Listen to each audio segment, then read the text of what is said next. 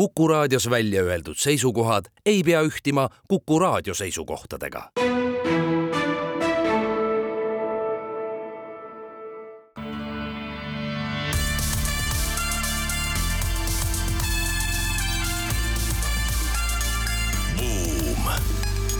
buumile annab hoogu SEB Pank tere päevast, on kahekümne esimene juuni aasta kaks tuhat kakskümmend kolm, oleme taas eetris Buumi saatega, saatejuhid sedapuhku Ott Pärna ja Anto Liivat.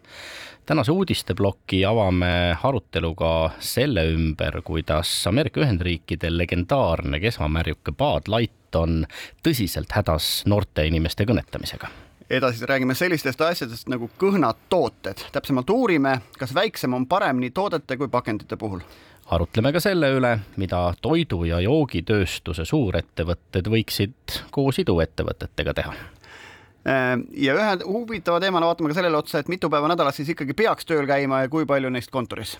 meie tänane saatekülaline on A Le Coq'i juht Jaanus Vihand, kellega teeme õllejuttu ning mõistagi ka juhtimise juttu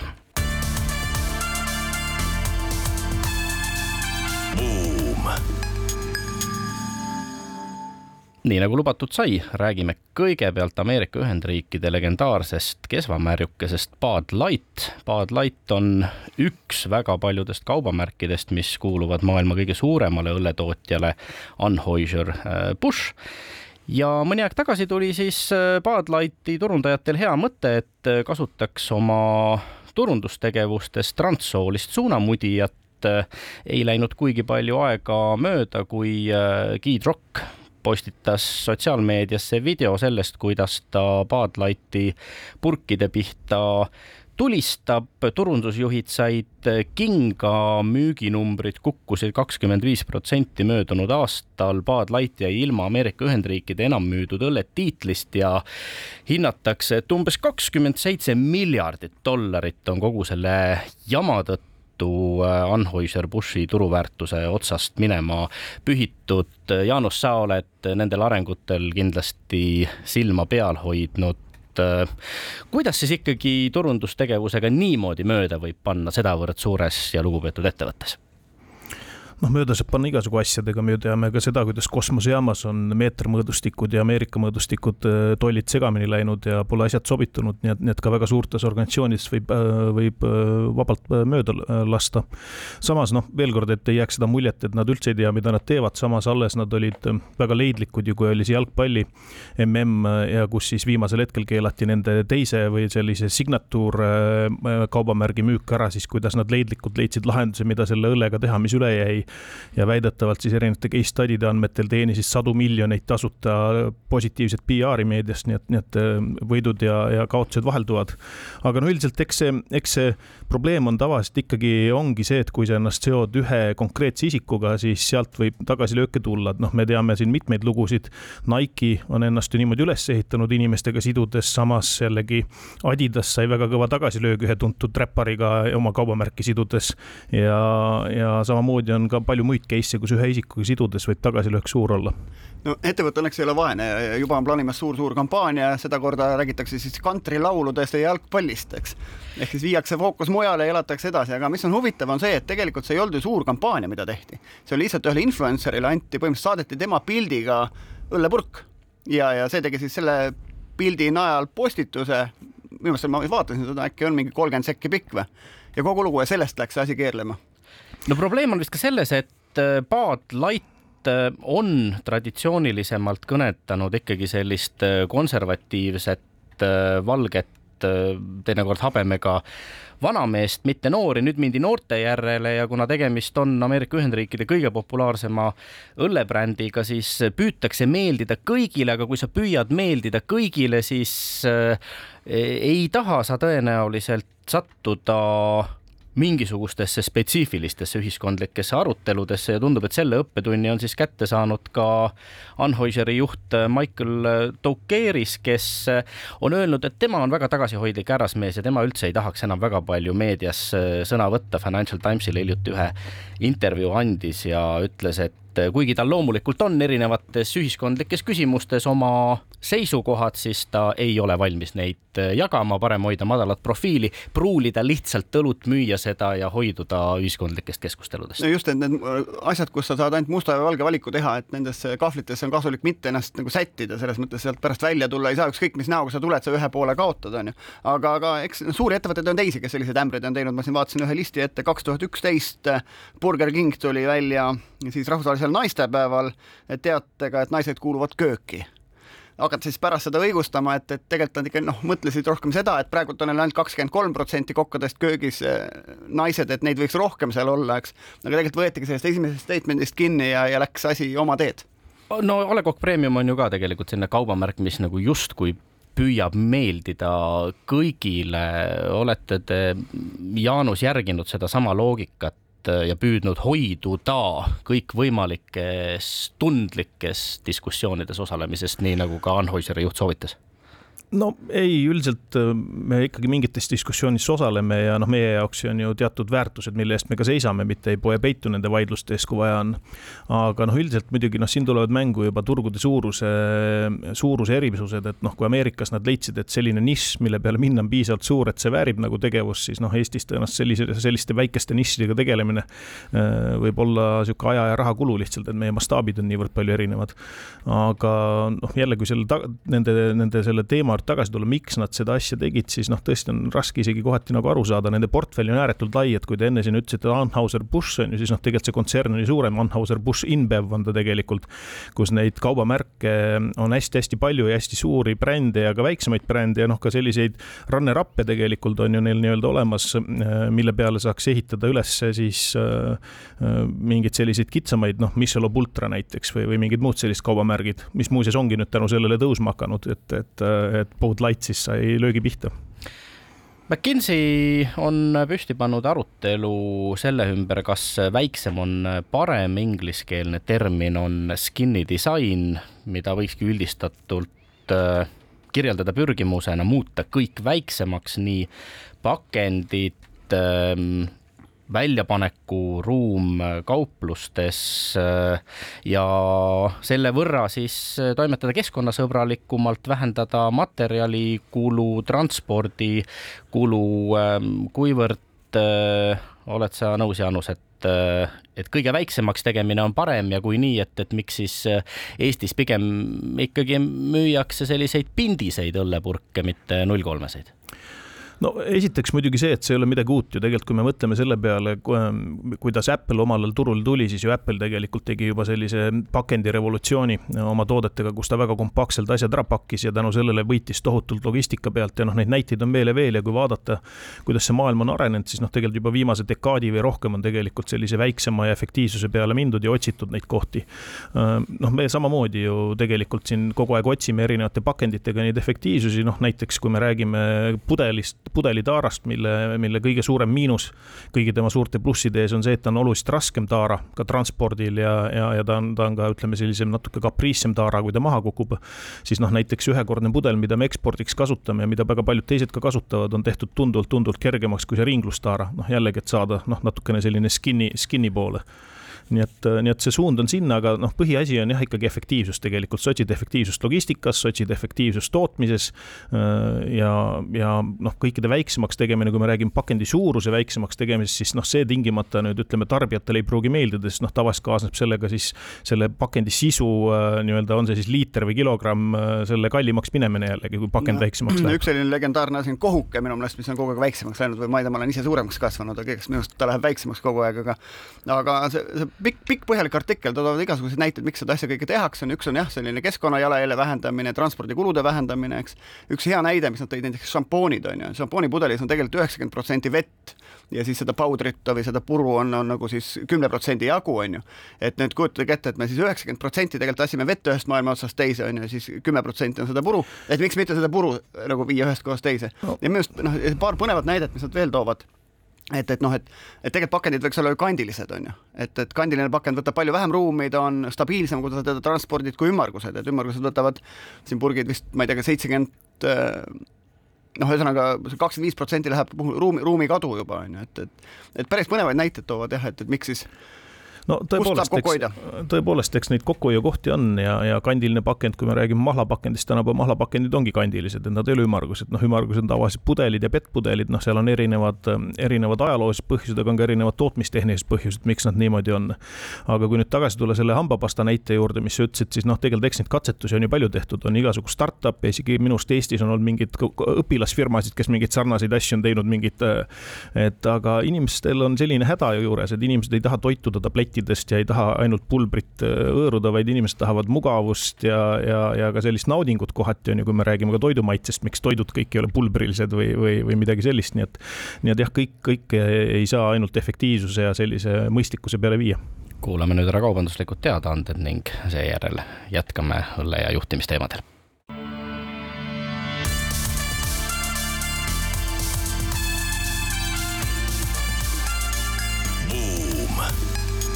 buumile annab hoogu SEB Pank. oleme tagasi Buumi eetris, saatejuhid Ott Pärna ja Anto Liivat ning meie tänaseks külaliseks A Le Coqi juht Jaanus Vihand, kes aitab meil ka uudiseid kommenteerida räägime nüüd sellest, mida toidu- ja joogitööstuses võiksid suurettevõtted koos äh, iduettevõtetega teha ning äh, inspiratsiooni leidsime ühest intervjuust, äh, kus osalesid Strauss Grupi juht Iisraelist ja PepsiCo Labsi tehnoloogia innovatsiooni juht David Schwartz, kes neil teemadel arutlesid ning äh, üheks suuremaks väljakutseks peeti ikkagi seda, et suurettevõtted on tihtipeale strateegilised, pika vaatega, toimetavad Äh, aeglaselt, aga selle võrra järjepidevamalt, samal ajal kui startup'id vastupidi püüavad äh, kasvada, areneda kiiresti, eksperimenteerida, teha ka kannapöördeid, et jõuda tõepoolest mingisuguse tähendusliku äh, väärtust loova lahenduseni. Jaanus, kuivõrd on A Le Coqil õnnestunud tehnoloogiaettevõtete või, või eelkõige idudega koostööd teha? Ma kõigepealt võib-olla parandaks seda sellist ettekujutust, et suurfirmad on väga aeglased ja aeglase kasvuga tegelikult, kui vaadata maailma suurimaid börsiettevõtteid ja, ja nende kasvunumbrid kohati, siis noh, need annavad äh, kohati isegi iduettevõtete mõõdu täiesti välja. ja mina ei tea tänapäeval ühtegi väga suurt äh, edukat ettevõtet, kes oleks väga aeglane ja ei tahaks kiiresti liigutada, et noh, pigem on siin võib-olla siis äh, mingisugused muud põhjused, kui iduettevõtted suudavad midagi kiiremini teha kui suurettevõte, seal võib olla ka turu niši suurus, kas sellega viitsitakse tegeleda või ei viitsita võita. seal võib olla ka tehnoloogilised äh, mõjurid, et äh, kui palju investeeringuid see kogu, ma ei tea, tootmisliinide ümbervahetamine maksma läheks või, või mingid muud sellised asjad. ja, ja iduettevõtetega meie koostööst oleme väga huvitatud, meil äh, mingeid katsetusi on tehtud, midagi liiga suurt ette näidata meil hetkel ei ole aga, aga kõik iduettevõtted, kellel on häid ideid, on teretulnud minuga ühendust võtma oma mõtteid jagama, nii et, nii et avalik üleskutse siinkohal no ka Anheuser-Bushi äh, juht ikkagi ütles, et tema erinevalt oma eelkäijast on huvitatud ettevõttes ehitustegevustest äh, vastupidiselt siis eelmisele juhile, kelle käe all Anheuser kasvas ja ennekõike kasvas siis ühinemiste ja äh, omandamiste läbi, aga mis need sellised ehituslikud tegevused olla võiksid, äh, mida koos iduettevõtetega äh, teha annaks, on see seotud keskkonnajalajälje vähendamisega, on see seotud mingisuguste disaini turunduslahendustega, on see seotud operatsiooniprotsesside efektiivistamise, millegagi veel? No siin on tegelikult kõik need asjad, mis sa nimetasid, et noh, loomulikult keskkonna teemal on meil ka siin Eestis olemas tubli startup'i, kellega me mõnega juba rääkinud oleme ja, ja oleme siin plaane pidanud, kuidas edasi liikuda, aga noh, täpselt samamoodi, kui me räägime innovatsioonist, siis äh, käisin hiljuti ühel konverentsil esinemas, kus enne mind esines ühe maailma suurima kodukeemiakontserni arendusjuht ja tema ütles, et nemad näiteks tänu koostööle startup idega suutsid välja töötada uue ühe pakendi teatud toodetele, mis, mis andis metsiku efektiivsuse ja oluliselt väiksemad kaod. ja noh, efekt oli väga suur ja noh, samamoodi alles lugesin, kuidas siin, ähm, siin üks tuntud maailma karastusjookide tootja üritab nüüd välja töötada kiiresti äh, tselluloosist äh, pakendeid äh, plastpakendite asemel. ja noh, pakend on kindlasti üks selline asi, mis, mis noh, enne me rääkisime sellest, sellest skin'i disainist on ju, siis noh, see pakendi arend-, arendamine on väga-väga mm, suur võimalus kõigile. noh, näiteks kui mõelda selle peale, kuidas alumiiniumpurke tänapäeval transporditakse, siis need alumiiniumpurgid tehakse sisuliselt seal purgitehases valmis ja siis saadetakse nad ilma kaanteta siis tootmisliini liinidele või siis noh, meie, meiesugustesse ettevõtetesse, kes siis saavad need suured alusetäied tühje purke, mille, mis siis täidetakse ära ja keevitatakse gaas peale. et noh, kui tuleks tehnoloogia, efektiivne tehnoloogia, kus ei saadeta mitte neid valmis keeratud purke, vaid kus saadetakse ainult need alumiiniumilehed, mis siis kohapeal liini peal juba online'is nagu purgiks tehakse. jällegi metsik efektiivsus oleks, ütleme, kui me räägime sellest samast transpordikulust või, või mõtleme selle peale, kuidas me kõik jahutame, kuidas kauplustes on külmkapid, kuidas kodudes on külmkapid, kui mõni start, tubli startup suudaks välja mõelda pakendi, mis hoiab seda toodet jahedana, ilma et, ilma et peaks seda pärast külmikus hoidma, mõelge jälle, milline keskkonna jalajälg ja efektiivsus sellest nagu kasvaks. nii et noh, neid võimalusi on hästi-hästi palju ja tegelikult on ka toodete endaga võimalik midagi teha, et noh, näiteks on üks kuulus ulmekirja, kirjanik, Poola ulmekirjanik, kes vist äkki kuuekümnendatel kirjutas sellise raamatu nagu Tagasi tähtede juurest, kui ma õieti mäletan. mille lugu oli siis see, et kosmonaudid olid väga pikalt või astronaudid, mis iganes nad olid seal väga pikalt ära olnud, tulid tagasi ja siis nägid, kuidas riideid lasti vahuga selga inimestele, mis tänapäeval on ka juba, juba täitsa tehtud mingitel, mingites kohtades ja ja kuidas joogid olid hoopis teise konsistentsiga, umbes sama nagu enne oli juttu, et mitte küll pulbrist, aga et, et siis lasti, lasti klaasi mingisugune teine vedelik, mis siis õhu, õhu mõjul siis muutus selliseks joogiks, on ju, nii et nii et ka sellised ulmelised asjad on ju täitsa võimalikud tegelikult, kui keegi suudab midagi välja mõelda. Jaanus, palju räägitakse startup idest, et noh, koostöö startup'id ja suured ettevõtted, aga üks variant seda teemat käsitleda on ka see, et, et need startup'id lahkuvad suurtest ettevõtetest, ehk siis mingid tiimid lähevad mingeid asju omaette tegema, kas siis asi ei sobi selle põhitegevusega või tahab tiim siis oma unistust kuskil ellu viia, et et noh, raha üldiselt maailmas on, et, et minemas on siis tavaliselt ekspertiis ja ja minnakse siis mingisuguse turu järgi. et kui palju sul on kogemusi oma erinevatest ettevõtetest, noh, Coop Panka juhtinud või tervet Coopi juhtinud ja nii edasi, et et selliseid lugusid ja, ja kui, kas see sõprus jääb pärast seda püsima või, või minnakse muul, muul moel lahku? No ma arvan, et siin ei ole ühest vastust, neid, neid lugusid on ju nii palju erinevaid, kus minnakse ära vihaga, kus minnakse ära lihtsalt äh, sõbralikult, kus minnakse ära jätkates tulevast koostööd, neid lugusid on hästi-hästi palju. Äh, ja, ja ega ma ei suuda siin kõigile, kõigile ühte mudelit välja pakkuda, aga noh, tavaliselt on jah see, et, et kui, kui ära minnakse, siis on seal ikkagi mingisugused põhjused taga, kas ei suudeta ennast piisavalt teostada suures organisatsioonis või, või tuleb, tuleb uus mõte, millest uus organisatsioon pole jälle huvitatud või tahetakse lihtsalt ise rohkem raha teenida ja nähakse, et see suur organisatsioon saab muidu kogu edu endale. eks eks neid mudeleid on erinevaid, aga, aga mina lihtsalt julgustan kõiki, et, et ärge, kui teil on, kui teil on silmapiiril siht silmade ees ja, ja usute, et jõuate tähtedeni, siis võtke see asi ette ja ärge jääge vana koha peal istuma ja unistama ainult, vaid hakake tegutsema. see Iisraeli Strauss Grupi äh, juhi ja PepsiCo juhi intervjuu, millest me inspiratsiooni ammutasime, muidugi vaatabki läbi Iisraeli prisma, kus äh, idufirmad kasvavad väga tihti Ameerika Ühendriikide suurte kontsernide külje all või mingisuguses sümbioosis nendega, selline see Iisraeli tehnoloogiaäri edulugu ju ülelihtsustatud kujul ka on. tunned sa ikkagi, et me Eestis peaksime ka sellele rohkem tähelepanu pöörama, me teame, et meie suuremad ettevõtted on oma digitaliseerituse, automatiseerituse poolest Euroopas noh, tihtipeale vaata et viimaste hulgas, samal ajal kui Eestit maailmas teatakse kui startup Wonderlandi või, või sellist imelast no mina olen väga startup'ide usku ja, ja, ja väga toetan igati katsetusi ja proovimisi ja, ja vahel ka läbikukkumisi, sest sellega käib elu, elu käib lihtsalt niimoodi, et kõik ei, kõiges ei saa õnnestuda kogu aeg ja läbikukkumistest õpid midagi. Eestiga on muidugi see häda, et enne kui oli juttu sellest Coopist näiteks, siis noh, Coopi puhul me tajusime seda, et näiteks Eesti mõistes me olime hästi suur ettevõte. noh, üks suuremaid ettevõtteid, kuus tuhat töötajat, äh, käive, käive seal tänaseks on juba Coopi, Coop Eestil seal seitsmesaja miljoni ringis või üle selle juba aga maailma mastaabis ikkagi hästi pisikene. Ja nüüd, kui rääkida sellest tehnoloogia investeeringutest, kõige moodsamast tehnoloogiast, see ei ole odav, see on päris kallis ja nõuab päris palju tööjõudu. ja siis noh, nende asjade jaoks, mis on nagu, mida sa tahaksid, oled sa jällegi kohati liiga väike ja sul pole võib-olla isegi raha nii palju või sind ei prioritiseerita piisavalt ja nende asjade jaoks, mida siis sulle pakutakse, need ei ole jälle sinu jaoks enam sobivad, et noh, natuke on Eesti ettevõtted sellise kahe klaaslae vahel, et, et natuke liiga suured, et päris pisikeste asjadega tegeleda ja natuke liiga väikesed, et nende tõeliselt heade suurte asjadega tegutseda saaks, kui me räägime tehnoloogiast tehnoloogiast. Jaanus, sa tõid selle Coobi sisse, et äkki räägi kaks asja lahti, et Coobi kaubamärk on ju suurem kui Eesti, et, et mis, mis tingimustel seda kaubamärki erinevates riikides Coobil kasutatakse ja ja suur küsimus, kes on Coobi omanikud? Coopi omanikud igas riigis on selle riigi elanikud ehk antud juhul Eestis Coop Eesti omanikud on siis Coopi piirkondlike ühistute liikmed või, või liikmesomanikud. Ja ei ole ühtegi välisomanikku ja Coopi kaubamärki saavad kasutada kõik siis ühistegelikud kaubandusorganisatsioonid, kes kuuluvad Eurocoobi,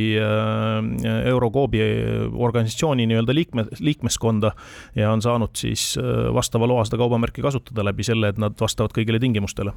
rääkides suurtest ettevõtetest edasi, Google on äh, andnud äh, teada, et nende töötajad peaksid käima kontoris tööl äh, vähemalt kolm päeva nädalas. ametiühingud tõstsid selle vastu kohe kiiresti kisa, IBM-i juht andis hiljuti teada, et edutamine on vähetõenäoline, kui kontoritöötajad ennast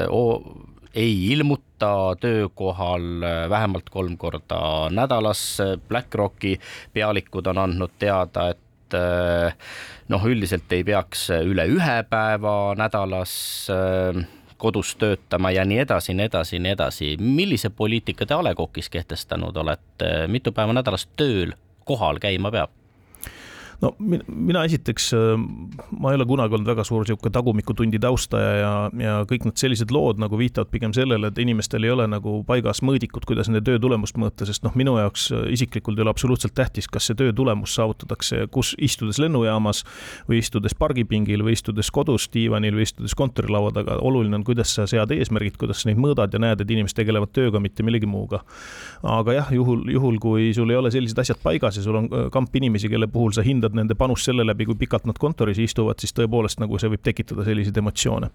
tõsi küll, siin on üks tahk on veel tegelikult, sest noh, ega meie puhul ütleme, kõik inimesed ju ei saa kodus olla, näiteks tootmisinimesed peavad kogu aeg tootmises kohal olema ja, ja mingid ka kontoriinimesed peavad kontoris olema, et, et siin kahtlemata hakkavad tulema mängu ka hoopis teised aspektid, mis ei ole üldse efektiivsusega seotud, vaid mida võiks võib-olla nimetada kadeduse faktoriks. et need, kes saavad kodus olla, võib-olla neid siis kadestavad teised, kes ei saa olla ja võib-olla sealt tekivad mingid pinged ja noh, nende pingete lahendamiseks siis tuleb midagi välja mõelda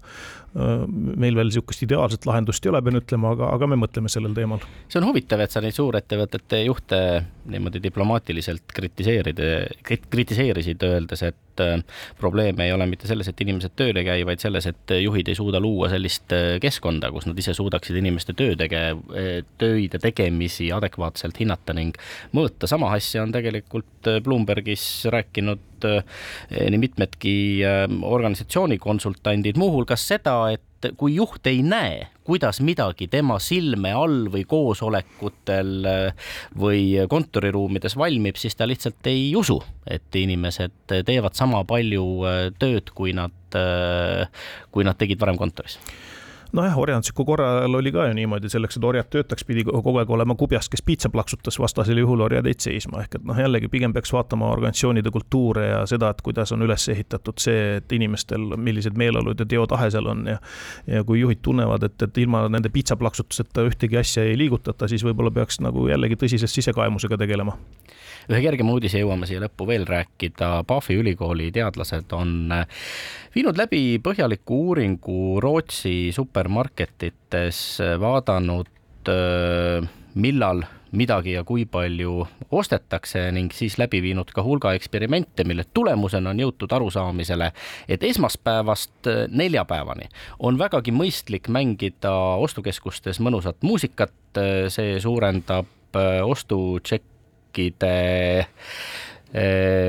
või siis tehtud ostude kulutatud raha umbes kümne protsendi võrra, samal ajal reedel ja nädalavahetusel enam sellist positiivset mõju äh, mõnusa muusika mängimine kaasa ei too. jah, no kaks asja, mis nad ütlevad, et kõigepealt, et ei ole vahet, millist muusikat sa mängid, ta peab olema mõnus, et see ei pruugi olla hitid, aga võivad olla hitid, eks, on üks asi ja teine asi, et miks ta töötab nädala sees, on see, et inimesed lähevad poodi peale tööpäeva, nad on väsinud. ja sellisel juhul see rahustav muusika tegelikult motiveerib neid ja siis nad on valmis endale nii-öelda sellist äh, noh, kuidas nüüd ennast tunnustama, siis natuke kallimaid tooteid näiteks ostma ja emotsiooni osta natuke rohkem. reedel on tuju nii et teisiti hea ja inimesed ostavad kõigele vaatamata või tänu sellele eh, rohkem. nüüd aga kuulame taas ära kaubanduslikud teadaanded ning eh, seejärel jätkame jaanipäevale kohaselt õllejutuga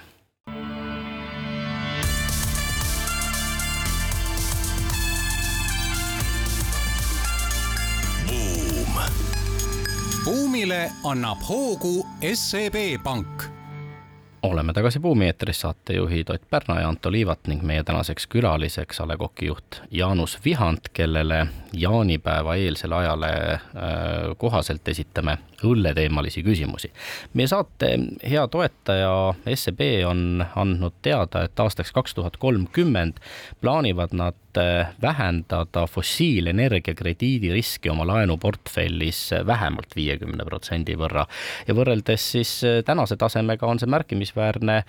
areng. SEB jätkusuutliku panganduse juht Tatjana Vakulenko on öelnud, et Ähm, seda eesmärki soovivad nad äh, mõistagi saavutada eelkõige läbi nõustamise ja transformatsiooni finantseerimise, mitte aga siis keelamise ja äride sulgemise, kuivõrd ähm, Jaanus, sina oled tundnud, et äh, teie omanikud, investorid, äh, rahastajad nügivad või innustavad teid muutuma järgemööda järjest rohelisemaks, noh, puudutagu see siis energiakasutust, veekasutust, noh, juba mainitud pakendeid või midagi muud noh, meil küll pankade survet vaja ei ole, kuna, kuna meil liiga palju pankadega mingeid rahastamisi ei ole, pankade käest võetud rahastust, laene või midagi, aga meie omanikud, tõsi küll, on väga tõsiselt selles teemas sees ja, ja väga, väga otsusekindlad. ja me just tänasel hetkel,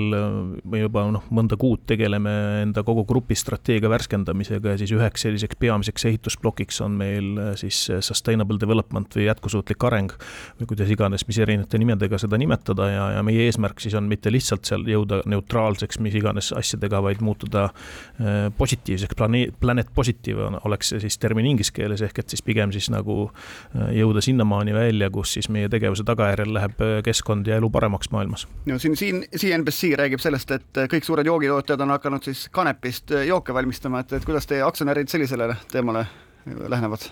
ei, me ei lähene sellele üldse, meie jaoks ei ole see üldse teema, millega tegeleda ja see on täiesti välistatud teema meie jaoks aga ometigi noori inimesi te ju kõnetada püüate, kui ma nüüd tahaksin pisut banaalselt provotseerida, siis äh, võiks ju mõelda niimoodi, et need, kes kuueteistaastaselt õlut ei proovi, seda kaheksateistaastaselt jooma ei hakka ja iga järgnev aasta inimese elust on õlletootja, õllemüüja jaoks ähm, kasutamata äripotentsiaal, et, et kuidas te noori inimesi kõnetada proovite, kui need ei ole kanepitooted?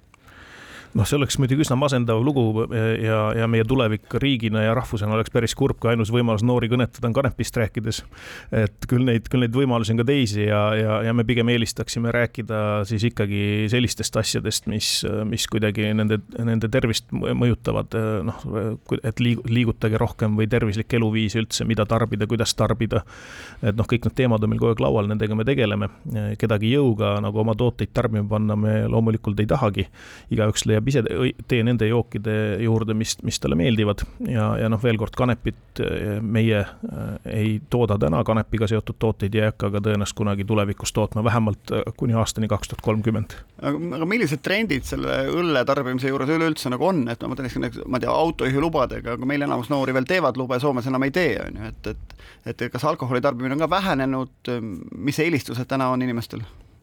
No mitte ainult alkoholi tarbimine ei ole vähenenud, vaid noh, kõigepealt, kui hakata vaatama tarbimist ja, ja meie turgu, millest me enne korra juba eelmises plokis põgusalt peatusime, siis noh, Eesti on tegelikult ikkagi esiteks hästi pisikene turg ja, ja Eesti on ka kahanev turg. nii et noh, kui me vaatame nagu üldse näiteks äh, vedelike või jookide tarbimist, siis noh, ega me ei näe siin äh, summa summarum kõikide asjade kokkuvõttes, et, et kuskil midagi metsikult väga kasvaks. tõsi küll, üksikutes kategooriates kasvud toimuvad noh, tänasel päeval näiteks on üks selline, selline kuidagi, kuidas ma, ma ei leia ühtegi head omas, omadussõna selle kohta, võib-olla teatud mõttes fenomenaalne on näiteks energiajoogid, et kõik räägivad, kui pahad nad on, aga, aga mahud kasvavad ja noh, üks põhjus, miks siis mahud seal kasvavad, meie teooria on see, et omal ajal siis, kui pandi see piirang, et alla kuueteistaastastele või alla kaheksateistaastastele, kuidas parasjagu mingis kaupluses on, energiajooke ei müüda, et siis tekkis selline, selline tunne, et hirmsasti tahaks, aga kätte ei saa ja nüüd, kui need lapsed on jõudnud sellesse vanusesse, siis nad on kõik hakanud ostma neid energiajooke aga, aga noh, meie, meie soov on, meie soov on jah see, et ikkagi tervislikud eluviisid, planeedi, planeediga mõistlikult ümberkäimine ja, ja üldse selline mõistlikkus kõikides tegevustes. Ja üks suur osa, mida planeedi ümberkäimise kontekstis võib-olla halvasti kasutatakse, on vee panemine pudelisse, selle müümine, et kuidas te sellesse suhtute? ja näiteks šampoonipudelisse, nagu sa enne uudist ette lugesid, on ju. aga ma mõtlen, tavaliselt vett pannakse pudelisse ja müüakse. jaa, aga, aga loomulikult, vett on vaja pudelis, kui sa käid metsas, siis on ju vesi palju parem kui plekis piimamannerg kaasa võtta. või, või kui sa rattaga sõidad, on ju, siis sa ise tead, on ju, et palju parem on ju juua plastist pudelist seda kui, kui mingisugusest muust anumast. ja, ja eks see ongi see mugavuse, mugavuse küsimus, aga teatud juhtudel ka garantii küsimus, mitte igalt poolt sa ei saa ju tegelikult kvaliteetset vett. noh, jällegi, kui sa käid kuskil, ma ei tea, kasvõi suvemajas, siis alguses oleks hea ju mitte kohe kraanist jooma hakata, vaid torud tühjaks lasta, sest seal võib igasugu asju olla sees. või noh, Kuressaares alles nägime, mis seal oli, kui, kui, kui, miks oli vaja pudelivett tarbida. nii et neid, neid, neid variante on päris palju ja, ja veel kord, noh, inimesed on, inimesed on olendid, kes, kes pole kunagi eluga rahul ja tahavad alati midagi paremat ja, ja mugavamat ja, ja noh, kahtlemata ütleme, see pudelisse vee panemine on, on üks võimalus siis neile paremat elu pakkuda. kui vaadata globaalseid õlleturu trende, siis üks neist on madala kalorsusega õlled ja, ja teine, mida välja tuuakse, on äh, siis äh, käsitööõlle äh, järjest äh, kasvav populaarsus, kuivõrd need trendid Eestis täheldatavad on ja, ja mida nendest suurte turgude kontekstis arvata, noh, peaks vist olema kõigele vaatamata endiselt näiteks nii, et Saksamaa on maailma kõige suurem õlleturg oma tarbimise poolest, vaatamata sellele, et elanike arvu poolest on, on noh, Hiina, Ameerika Ühendriigid suuremad, samas noh, Saksa tarbija on konservatiivne, aga kas seda madala kalorsus, kalorsusega õlut ja, ja ja tõesti käsitööõlut tarvitatakse järjest ja järjest rohkem no käsitööõllest kahtlemata räägitakse järjest ja järjest rohkem ja, ja kahtlemata on väga suuri tegijaid, kes, kes noh, kui räägitakse käsitööõllest, siis tavaliselt mõeldakse, et oh, mingi, mingi väike selline butiik, mis seda asja teeb, aga noh, maailma üks tuntumaid ja suuremaid käsitööõlle tegijaid on selline ettevõte nagu Brewdog, kelle tootmismahud on äh, sama suured umbes, kui Eesti õlleturg kokku on. nii et ei ole päris pisikene, aga ikkagi craft brewery. E, ja, ja noh, Eestis on samamoodi tegelikult see käsitööõllede turuosa on mõned protsendid äh, need on, seal on väga palju tooteid, nad on kõik kindlasti väga ägedad tooted, aga, aga siin on nagu oluline vahe, kuidas inimene tarbib ja noh, siin nüüd tulebki ka sisse seesama asi, et paljud käsitööõlled on sellised, mida meil on selline mitteametlik termin sisemiselt kasutusel nagu mekutatakse või siis nagu maitstakse niimoodi moka otsast ja niimoodi limpsitakse ja juuakse see väike purgikene ära ja rohkem nagu väga ei tahagi seda, aga, aga teatud tingimustes saunas või, või, või, või pärast sporti või, või suvel väljas tahaks võib-olla natuke rohkem ja natukene kergemat õlut juua. Nii et jah, selles mõttes äh, siin on nagu vahe olemas, tarbimismahtudel äh, tuleb see sisse äh, ja tarbimiskordade arvus, aga nüüd, kui rääkida nagu light'ist, siis noh, otseselt jah, neid light beer'e on ju väga palju tehtud, ennem rääkisin Boot Light'ist ja, ja, ja Michelob Ultra ja, ja kui me räägime suurtest maailma brändidest ja, ja tegelikult on ju ka Eestis on neid light'e erinevate nimedega, mida ma siin praegu nimetama ei hakka, et konkurentidel mitte reklaami teha. aga jah, tarbijad, tarbijad ikkagi tahavad teatud, teatud maitset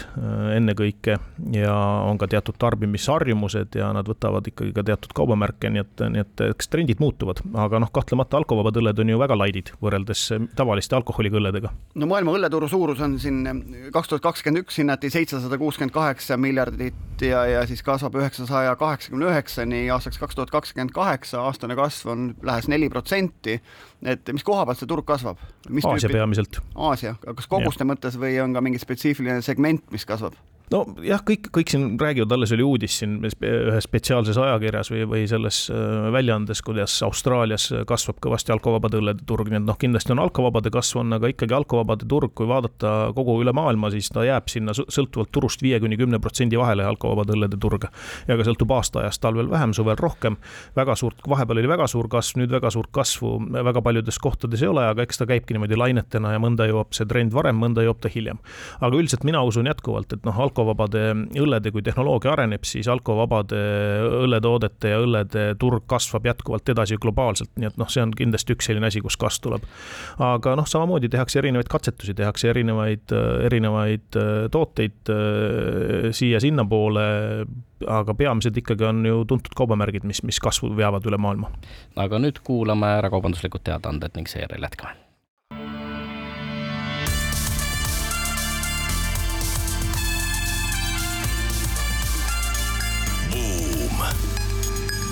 buumile annab hoogu SEB Pank oleme tagasi Buumi eetris, saatejuhid Ott Pärna ja Anto Liivat ning meie tänaseks saatekülaliseks on A Le Coqi juht Jaanus Vihand. räägime nüüd äh, juhtimise juttu ja räägime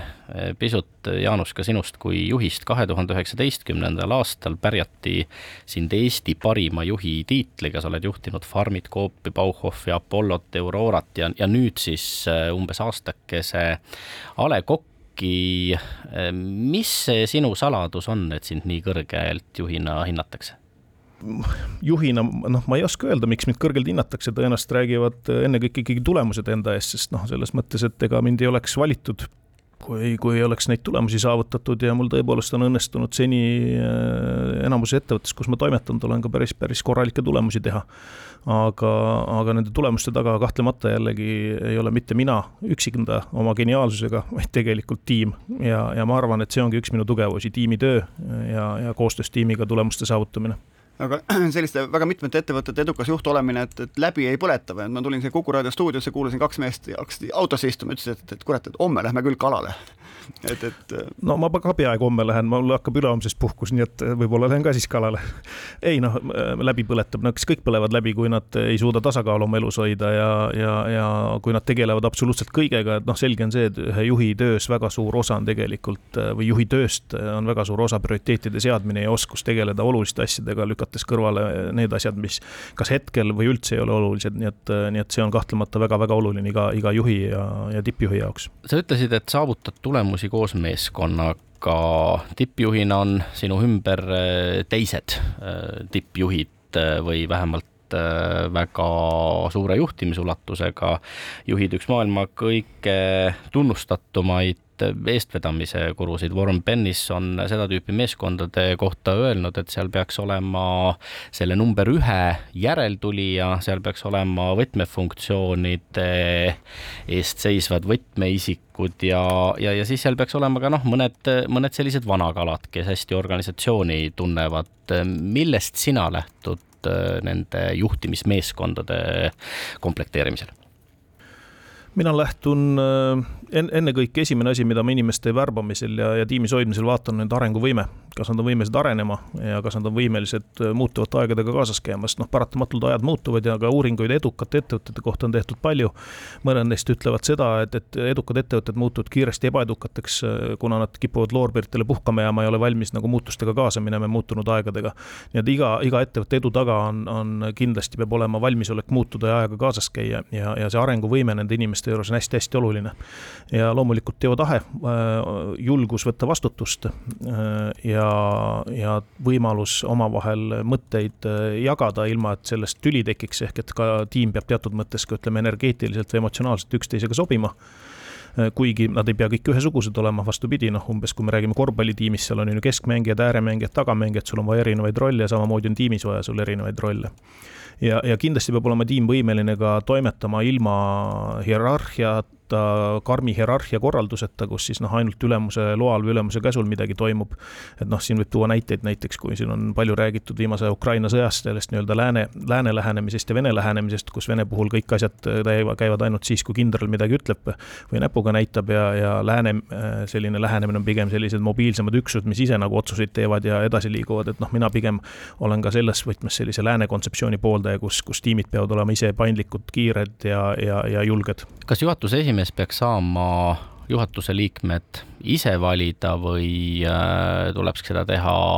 koostoimes nõukoguga või, või, või peaks siin hoopis olema nõukogul äh, suurem otsustusõigus? No kui, kui sa tahad võtta tulemustest vastutust, siis sul peab olema ka õigus valida endale teekaaslasi, et sa ei, sul on raske anda mingeid lubadusi, kui, kui tiim ei ole sinu poolt valitud, et mina olen seda usku, et kindlasti peab nagu juht ise enda tiimi valima räägime natuke nendest äh, mõõdikutest äh, ka, kui me siin ennist äh, arutasime selle üle, kas ja millistel tingimustel hübriidtöö võimalik on, siis ähm, mis sind ärijuhina motiveerib ja, ja mis tüüpi mõõdikuid sa ise eelistad inimestele seada? Mina eelistan seada võimalikult vähe mõõdikuid, millel on, millel on mingi sisu. tihti kipuvad äh, need mõõdikud muutuma lihtsalt tapeediks, mida mingil põhjusel vaadatakse ja täidetakse. Äh, pean tunnistama, et ka me ei ole selles patus sada protsenti puhtad, ka meil on jätkuvalt mõningad mõõdikud, mida võib-olla enam ei peaks jälgima, aga me vähehaaval niimoodi kohendame ja, ja parandame neid asju. nii et siin on vähem on rohkem olulised mõõdikud, mida jälgida ja, ja võimalikult lihtsad süsteemid, on see siis, ma ei tea, motivatsioonisüsteem või, või mis iganes muud asjad, kõik peaks olema võimalikult lihtsad, see on, see on minu, minu lähenemine saavutamine. seda on lihtne öelda muidugi, aga teinekord see saavutamine on natuke keerulisem kui see, kuidas ma praegu selle välja ütlesin, nii et, nii et aga, aga suund peaks olema see vähemalt minu, minu organisatsioonides kas sa heasse juhtimistavasse usud äh, päriselt ja äh, kui äh, hea juhtimistava selleks, et äh, ka juhatuse ja nõukogu omavaheliseks koostööks raamistikku luua, on äh, asjakohane või, või äh, mõistlik printsiipide kogum, siis miks ikkagi nii vähestes Eesti ettevõtetes kõike seda, mida, mida ka meie ühingu juhtimise hea tava ette kirjutab, järgitakse? Ma ei oska öelda, kui vähestes, ma ei ole seda statistikat teinud ja näinud, võib-olla teil on rohkem uuringuid, aga ma arvan, et üks põhjus on sama asi, et igapäevast toimetamist on nii palju, et lihtsalt sellise, sellise eh, nice to have asjani, nagu nende arvates see on, pole jõutud. et noh, üldiselt on jah see, et mida suuremaks ettevõtted kasvavad, mida avalikumaks nad muutuvad, mida rohkem nad avalikkuse ees on, seda rohkem peavad ka sellised korrad ja sellised asjad paigas olema ja selgelt defineeritud ja, ja kõigile arusaadavad. et noh, börsiettevõtetel on ju Eestis minu teada kõigil see kenasti juurutatud ja, ja kindlasti ka väga paljudel muudel ettevõtetel, et ei, mina olen väga hea juhtimistava austaja ja üldse eetilise tegutsemise austaja. no minu uuringu info jah, seda ütlebki, et börsiettevõtted muidugi, aga kõik, mis sealt edasi tuleb, äh, on, on juba üsna, üsna nutune, aga mm, kuidas sa sellist mõistlikku äh, juhatuse ja nõukogu koostööd ette kujutad või, või mis on need sellised äh,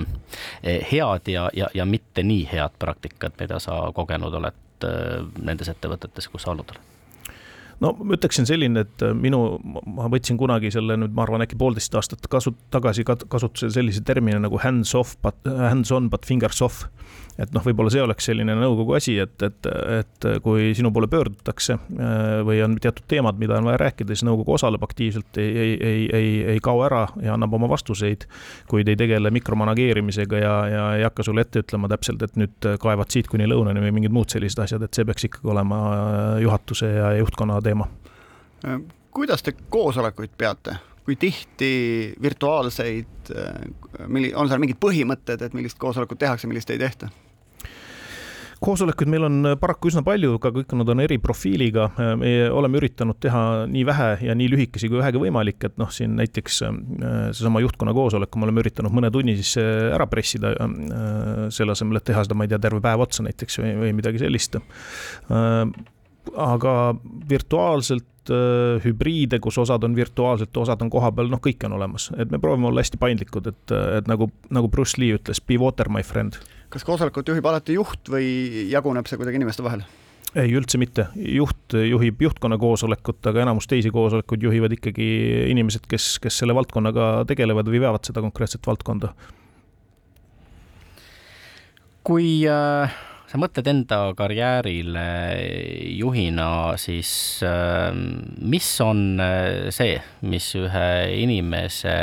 tubli inimese, keskastme juhi positsioonilt Äh, tippjuhtkonda lennutab? No ma tegelikult juba nimetasin neid, äh, neid, neid selliseid faktoreid, et äh, soov areneda, julgus võtta vastutust, töötahe kindlasti, sellepärast et noh, kuigi tänapäeval tundub nagu, et, et tuuakse püünele selline lähenemine, et võimalikult vähe tööd, siis mina ütlen seda, et tulemus ikkagi saavutatakse ainult lisaks nutikusele ka tubli ja tugeva tööga, nii et, et tahega tööd teha ja pingutada ja, ja kui need asjad kombinatsioonis ka normaalse isikuomadustega on, siis, siis sealt see tuleb, seepärast et noh, jällegi eh, tuntud ütlus, mida, mida kõik juhid tõenäoliselt on kuulnud eh, vähemalt kümme korda oma elus, on see, et et inimesi palgatakse nende, nende oskuste pärast, aga, aga lahku minnakse siis isikuomaduste tõttu. no öeldakse ka niimoodi, et eh, tööle tullakse ettevõttesse, ära minnakse siis noh, kehva juhi pärast, aga tihtipeale ka kehva meeskonna pärast. kuivõrd sa kraadid eh, seda, milline vaimsus, suhtumine, mõtted valitsevad eh, suure organisatsiooni erinevates üksustes, erinevate meeskondade peades, sest eh, kogu aeg mm. -hmm kuidas sa teed seda? see on, see on kogu aeg, üks ajupoolkõra töötleb seda infot kogu aeg, mis iganes parasjagu ei toimi sest noh, öeldakse jah, et järjest olulisemaks muutuvad tõesti need väiksed paindlikud meeskonnad, neil on reeglina kõige vahetum kokkupuude ja, ja informatsioon selle kohta, kuidas oma tööd parimal võimalikul moel teha. sestap noh, ülevalt alla peaks andma rohkem selliseid sihte, tähendusi ja innustama inimesi eesmärke püstitama alt üles. oled sa, oled sa sellega hakkama saanud, et see tõepoolest nii on, paljud juhid ütlevad, et no alt üles ei püstita keegi ühtegi eesmärki, ikka ülevalt alla tuleb anda ei, alt üles ja, ja horisontaalis igatpidi saab eesmärke püstitada ja täita ja, ja, ja ikkagi veel kord, noh, kõige paremad tulemused tulevad organisatsioonis, kui eh, juhid ei ole tapnud ära organisatsiooni liikmete, ükskõik mis positsioonil nad on, nende initsiatiivi, kui inimeste initsiatiiv on säilinud ja noh, kahtlemata see ei ole kunagi sada protsenti, mõned on, mõned on suurema initsiatiiviga kui teised, mõned tahaks lihtsalt siit-siiani teha ja siis koju, koju telekat vaatama minna. aga üldiselt äh, minu kogemus näitab seda, et mida rohkem organisatsiooni inimesed saavad vabalt oma mõtteid avaldada ja mida rohkem äh, nad saavad kaasa rääkida erinevatel teemadel, seda, seda paremad tulemused tulevad, tõsi küll, noh, see võib teinekord viia ka sellistesse kohtadesse, kus tahetakse kaasa rääkida teemadel, mis tegelikult noh, kus võib-olla ei peaks kaasa rääkima. aga noh, see on, ütleme, selline organisatsiooni kultuuri küsindamise,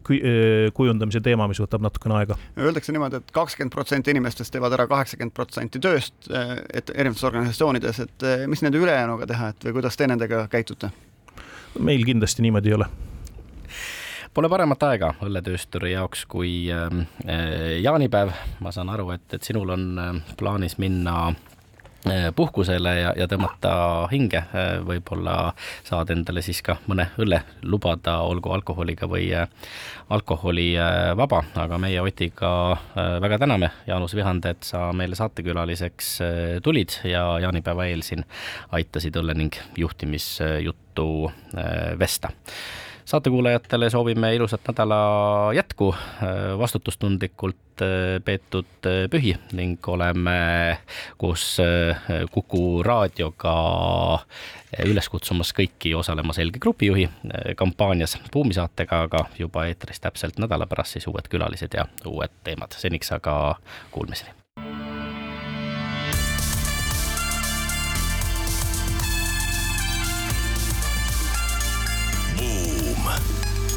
buumile annab hoogu SEB Pank.